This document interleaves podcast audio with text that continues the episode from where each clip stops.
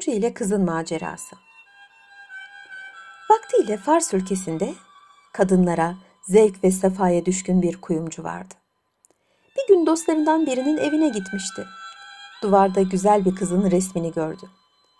Çok hoşuna gitti. Oradan ayrılıncaya kadar gözlerini o resimden ayırmadı. Bu kızın hayaline aşık olmuş bir halde evine döndü.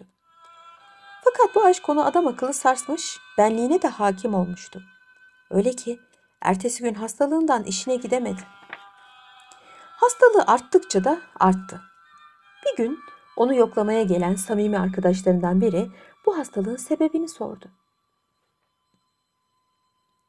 Kuyumcu dostunun evinin duvarında gördüğü kızın tasvirine aşık olduğunu ve bu yüzden yatağa düştüğünü söyledi. Arkadaşı bu muhayyel sevdaya güldü. Sen deli misin dedi. İnsan bir hayale aşık olur mu? Kuyumcu itiraz etti. Bu resmi yapan adam muhakkak o kadını görmüştür.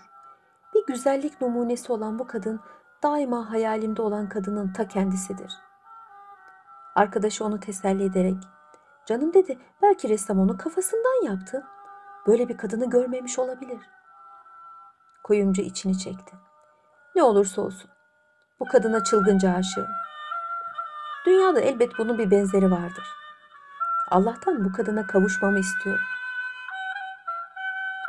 Kuyumcunun arkadaşı onun bu haline çok acıdı. Bu resmi yapan adamı bulacağını ve ona bunun aslı olup olmadığını soracağını vaat etti. Yanından ayrıldı. Yine sabah oluyordu. Hükümdar masalı ertesi akşam devam edilmesini istedi. Şehrazat da yarıda bıraktığı masalına ertesi akşam şöyle devam etti. 613. gece Adam sözünde durdu. Sorup araştırdı. O sırada başka bir şehirde olan ressamın adresini buldu. Ona mektup yazarak duvarda yaptığı kızın modeli olup olmadığını sordu. Bir müddet sonra ressamdan cevap geldi. Bunda yaptığı resmin bir modeli bulunduğunu, bu da Keşmir ülkesinin hükümdarının başvezirinin cariyesi olduğunu yazıyordu. Kuyumcu bunu öğrenince adeta canlandı. Dükkanını satarak Hindistan'ın yolunu tuttu. Keşmir'e varınca bir aktarın dükkanına girdi. Alışveriş yapmak bahanesiyle bu memleket hakkında malumat toplamaya başladı. Bir aralık lafı Keşmir padişahına getirdi. Aktar şu izahatı verdi. Padişahımız çok iyi adamdır. Yalnız sihirbazlardan hiç hoşlanmaz. Böyle bir kimse eline düşerse onu diri diri kuyuya atar, açlıktan da öldürür. Bundan cesaret alan kuyumcu padişahın vezirlerine sordu. Aktar, padişahın başveziri güzel cariyeleriyle meşhurdur. Hele içlerinde bir tane var, dünyada işi yoktur. Kuyumcu bu aldığı malumattan memnun oldu. Görmeden sevdiği kadını görmek ve ona kavuşmak için planlar hazırlamaya ve fırsatlar kollamaya başladı. Bir gün şiddetli bir yağmur yağıyordu. O gün kuyumcu evvelce tanışıp kendilerini para ile tuttuğu sabıkalılardan iki kişiyle birlikte vezirin sarayına gitti. Ortalığın zifiri karanlık olmasından istifade ederek üçü demir çengelli ip merdivenleri vasıtasıyla sarayın balkonuna çıktılar. Kuyumcu arkadaşlarını balkonun bir köşesinde gözcü olarak bırakarak kendisi büyük bir cesaretle içeriye girdi. Bütün saray halkı derin uykuya dalmışlardı. Kuyumcu harem dairesine geçti. Orada birçok güzel cariyelerin kuş tüyü yatakları içerisinde rastgele uzanmış, mışıl mışıl uyuduklarını görünce de çok sevindi. Şehrazat bu meraklı hikayesini burada kesmek zorunda kaldı. Çünkü artık sabah olmuştu. Hükümdarın isteği üzerine ertesi gece sözlerine şöyle devam etti.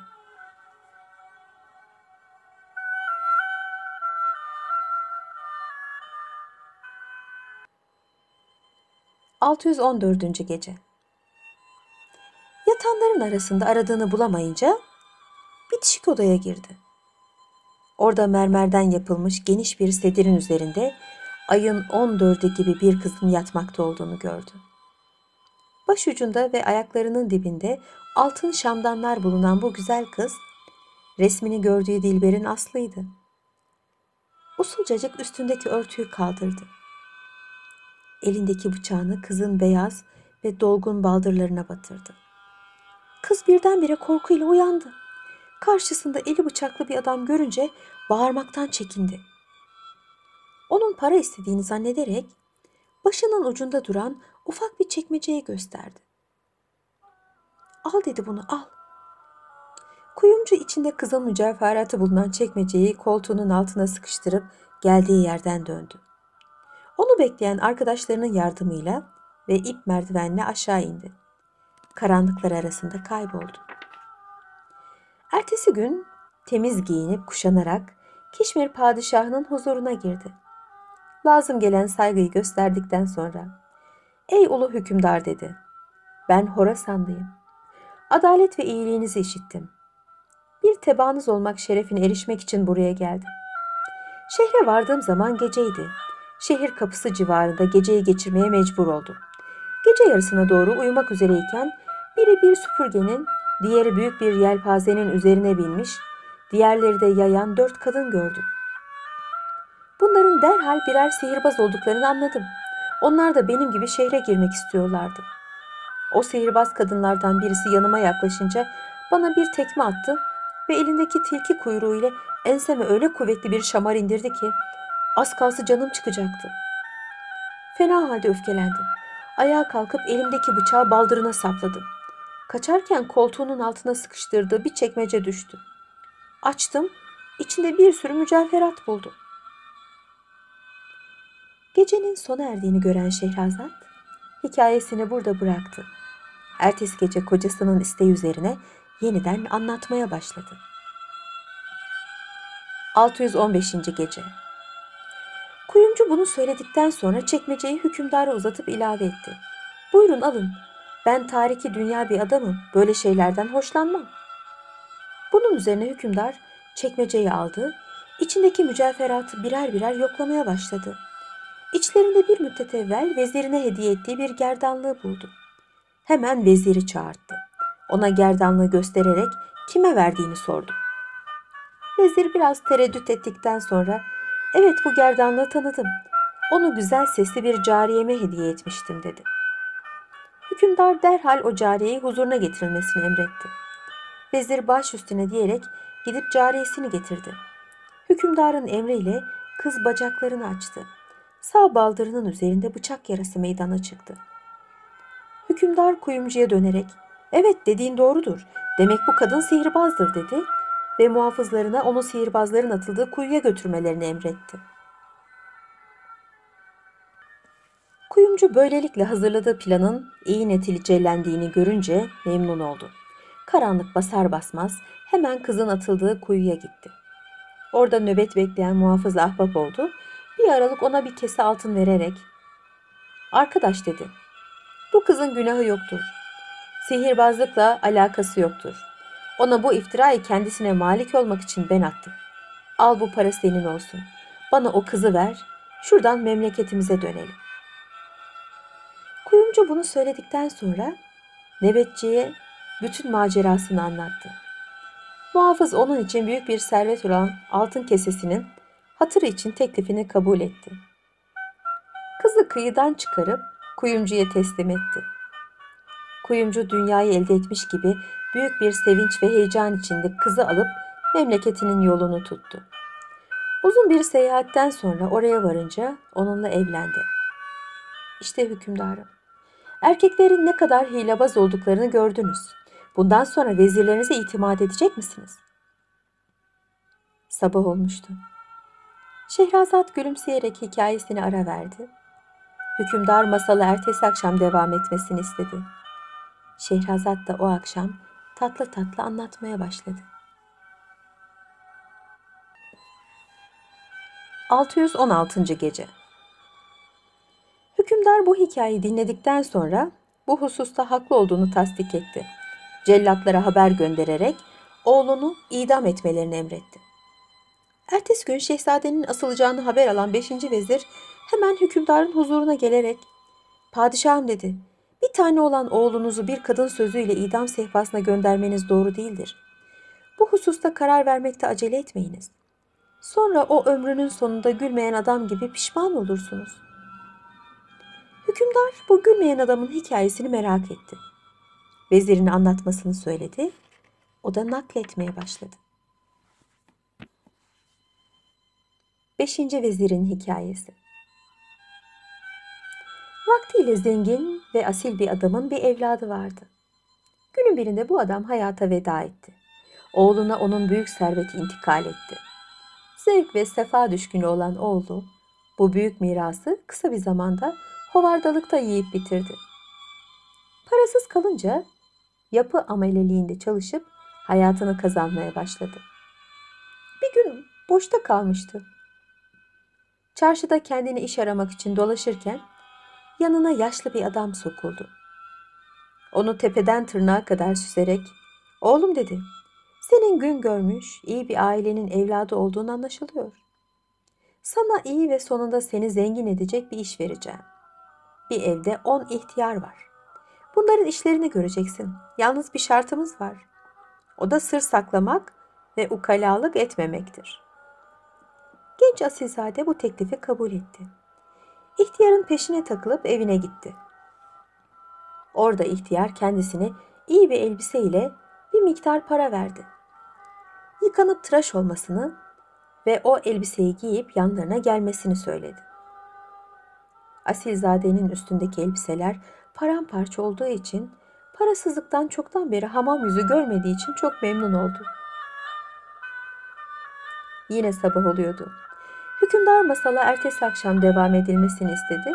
Şehrazat da yarıda bıraktığı masalını ertesi akşam şöyle devam etti. 617. Gece Bir iki saat içinde tertemiz, bambaşka bir adam olan genç, ihtiyarın evine girdiği zaman hayrette kaldı. Büyük bir bahçe içinde bulunan bu evin ortasında fıskiyeli havuzlar, mermer şadırvanlar vardı. Duvarlar altın yaldızlarla süslenmiş, yerler en nadide halılarla döşenmişti. Ev sahibi onu görünce büyük bir odaya aldı. Burada on pirifani ihtiyar oturmuş, üzerlerinde matem elbiseleri olduğu halde hüngür hüngür ağlıyorlardı. Genç onların bu hallerini merak ederek sebebini sormak istedi. Fakat ukalalık etmemek hususunda ihtiyarın kendisine koştuğu şartı hatırladı, sustu. İhtiyar ona içinde 30 bin altın bulunan bir çekmece verdi. Ve oğlum dedi, sana bu parayı teslim ediyorum. Bunlarla bizim masraflarımızı göreceksin. Bize ve sana yiyecek vesaire ne lazımsa alacaksın. Bu hususta sana güvenimiz vardır. Bunun üzerine Asilzade parayı aldı, kendisine tahsis edilen odaya koydu ve ihtiyarların her günkü ihtiyaçlarını o parayla görmeye başladı. Bir müddet sonra ihtiyarlardan birisi hayata veda etti. Onu kaldırıp evin bahçesine gömdüler. Arkasından çok geçmeden başka biri öldü. Onu da diğerinin yanına defnettiler. Böylelikle birkaç sene içinde ev sahibi ihtiyardan başka diğer on ihtiyar öbür dünyaya göçtüler. Şimdi o koskoca evde yalnız o asilzade adamla ev sahibi kalmıştı. Günün birinde ev sahibi de hastalandı. Yatağa düştü. Genç asilzade onun da son günlerini yaşadığını anlayınca amca dedi 12 seneden beri hizmetinizde hiçbir kusur işlemedim. Hayata veda eden o ihtiyarların hazin hali beni çok düşündürmüş ve meraklandırmıştı. Bunun sebebini anlatır mısınız? İhtiyar ev sahibi içini çekti, bir kapıyı göstererek oğlum dedi benim dertlerimi tazeleme. Allah benim çektiklerimi kimseye çektirmesin. Başımıza gelenlerden korunmak istiyorsan da şu gösterdiğim kapıyı açma. Sonra sen de bizim gibi ömrünün sonuna kadar pişman olursun. Şehrazat bu meraklı hikayesini burada kesmek zorunda kaldı. Çünkü artık sabah olmuştu. Hükümdarın isteği üzerine ertesi gece sözlerine şöyle devam etti.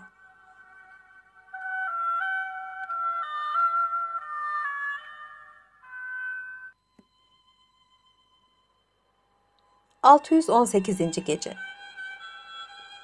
Birkaç gün sonra ev sahibi öldü. Genç asilzade onu diğer ihtiyarların yanına gömdü. Artık o kocaman evde ondan başka kimse kalmamıştı. Evin içindeki mallar onu ölünceye kadar müreffeh bir hayat yaşatacak kadar da boldu. Bir gün o ihtiyarın gösterdiği kapı aklına geldi. Merakını yenemeyerek ne olursa olsun onu açmayı aklından geçirdi. Yanına gitti. Üzeri örümcek ağı kaplı olan kapı dört büyük kilitte kilitliydi. Genç onu açmaktan vazgeçti. Fakat bir iki gün sabrettikten sonra tekrar merak arttı. İnsan memnun olan şeye karşı haris olur derler. Ve mukadderat neyse o olur diyerek kilitleri kırdı. Önüne çıkan uzun ve loş bir dehlizden yürümeye başladı. Üç günlük bir yol gittikten sonra nihayet büyük bir nehrin kenarına vardı. Nehrin kenarında şaşkın şaşkın dolaşırken birdenbire gökten kocaman bir kartal indi. Pençelerini elbisesine takarak onu havaya kaldırdı. Bir müddet uçtuktan sonra onu denizin ortasında bulunan ıssız bir adaya bıraktı. Genç bu ıssız adada bir müddet oturdu. Günün birinde uzaktan bir geminin geldiğini fark etti. Bu gemiyle kurtulacağını sanarak sevinç içinde onu beklemeye başladı. Biraz sonra geminin sahile biraz uzak mesafede demirlediğini ve altın yaldızlarla süslü abanoz ağacından yapılmış bir kayık indirdiğini gördü. Kayıkta birbirinden güzel on genç bakire kürek çekiyordu. Kayık sahile yanaşınca aynı renkte ipekli elbiseler giymiş olan kızlar çevik bir hareketle karaya çıktılar. Kayığı bir yere bağlayarak onları karşılamaya gelen genç asilzadenin yanına gittiler. Onu hürmetle selamladıktan sonra en büyükleri elinde tuttuğu atlas bir bohça ile elmaslarla süslenmiş kıymetli bir taç takdim etti ve Sayın damat hazretleri dedi. Bunlar sizin içindir. Sonra kızlara işaret etti. Onlar da bohçanın içindeki sırmalı elbiseleri çıkarıp genç asilzadeye giydirdiler. Başına da tacı koyup hürmetle selamladılar. Gecenin sona erdiğini gören Şehrazat hikayesini burada bıraktı. Ertesi gece kocasının isteği üzerine yeniden anlatmaya başladı. 619. gece. Genç hayret içinde gözlerini ovuşturuyor, rüya gördüğünü zannediyordu. Kendisine giydirilen elbiseler içinde bir prens olmuştu. Kızların büyüğü koluna girerek onu kayığa götürdü. Orada kendisine hazırlanan yere oturdu. Diğer kızlar da yerlerine geçerek küreklere sarıldılar. Gemiye yaklaşınca orada başka kızlar delikanlıyı karşılayıp yukarıya aldılar ve kendisini çok güzel döşenmiş bir kameraya aldılar.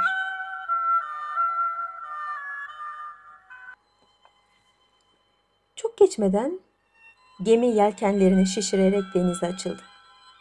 Birkaç günlük rahat bir yolculuktan sonra bir limana yanaştı. Genç kızlardan biri gelip Asilzade'ye "Yurdumuza geldik. Buyurun." dedi. Genç etrafına şaşkın şaşkın bakarak rıhtıma yanaşan gemiden karaya indi. Orada silahlı birkaç muhafızın kendisini beklediğini gördü. Muhafızlar onu görür görmez selamladılar ve ona beş at göstererek hangisini isterse ona binebileceğini bildirdiler. Genç ancak padişahların binebileceği mücevheratlarla süslenmiş eğerleri, altından yapılmış üzengeleri olan hayvanlardan birini seçerek bindi. Ve etrafını saran muhafızlar önünde olduğu halde yürümeye başladı. Biraz sonra geniş bir meydanlığa geldi. Orada kendisini büyük bir ordunun marşlar okuyarak ve mızıkalar çalarak karşıladığını görünce hayreti büsbütün arttı. O sırada giyinişinden ve heybetinden bir hükümdar olduğu belli olan ve yüzünü bir peçe ile örten bir zat mahiyetiyle beraber onu karşılamaya geldi. Hükümdar mütebessim bir çehreyle hoş geldiniz diyerek hatırını sormaya ve onunla yan yana yürümeye başladı. Sabah olmuştu. Şehrazat gülümseyerek hikayesine ara verdi. Hükümdar masalı ertesi akşam devam etmesini istedi. Şehrazat da o akşam tatlı tatlı anlatmaya başladı.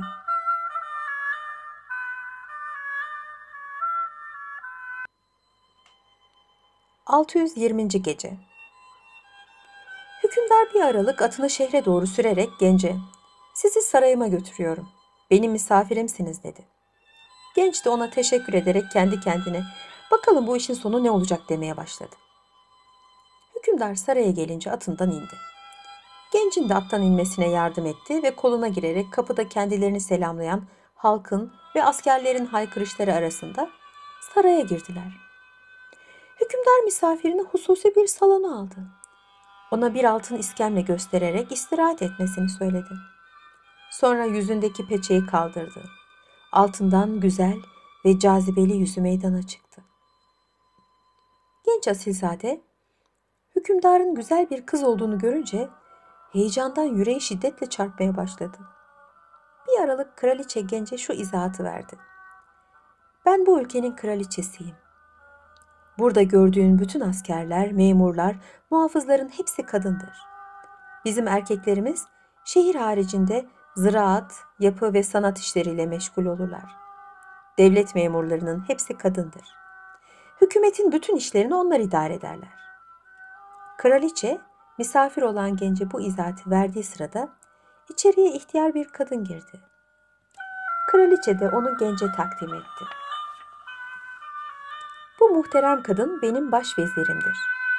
Sonra bu çirkin suratlı acüzeye dönerek git bize nikah memuru ile iki şahit getir diye emretti. İhtiyar kadın süratle salonu terk etti.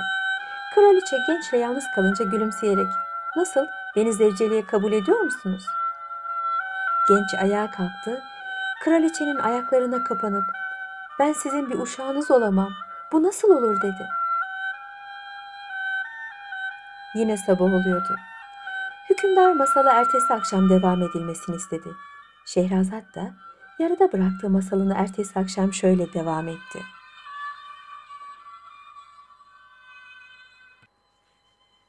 ...621. Gece Kraliçe hemen onu kaldırarak ben öyle arzu ediyorum dedi.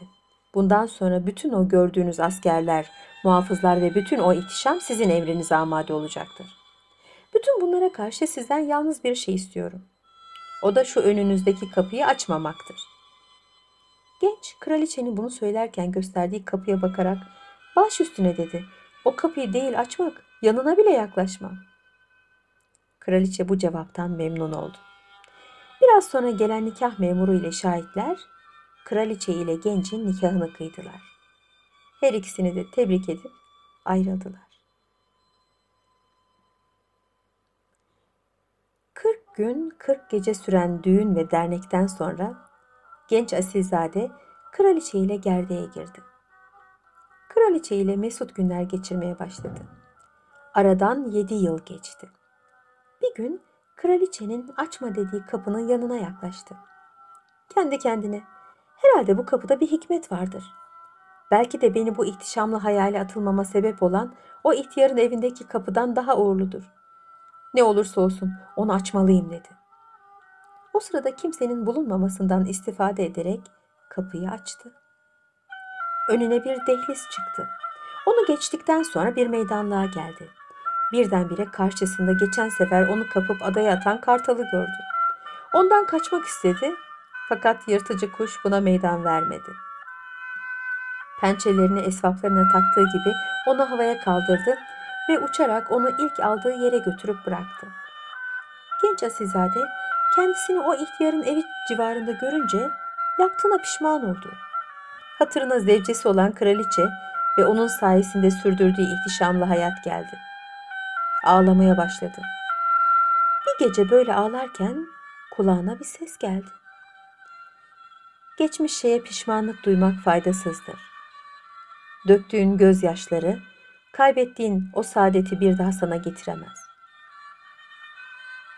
Bunun üzerine genç derin bir yasa düştü. Bu yüzden hastalandı ve kısa bir zamanda öldü. Komşuları onu o ihtiyarın yanına gömdüler. Şehrazat bu meraklı hikayesini burada kesmek zorunda kaldı. Çünkü artık sabah olmuştu. Hükümdarın isteği üzerine ertesi gece sözlerine şöyle devam etti. 622. Gece Hükümdar vezirinin anlattığı bu ibret verici güzel hikayeyi işitince oğlunu öldürmekten yine vazgeçti. Altıncı gün şehzadenin affedildiğini öğrenen Gözde elinde keskin bir hançer olduğu halde hükümdarın huzuruna girdi ve ''Ey vezirlerinin türlü türlü şaklabanlıklarıyla hakikati görmeyen ve adaleti unutan Efendimiz dedi. Eğer siz benim hakkımı alıp şu oğlunuzun layık olduğu ölüm cezasına çarptırmazsanız ben bu hançerle kendime kıyacağım. Bunu yapmadan önce size erkeklerin fendine ait bir hikaye anlatacağım.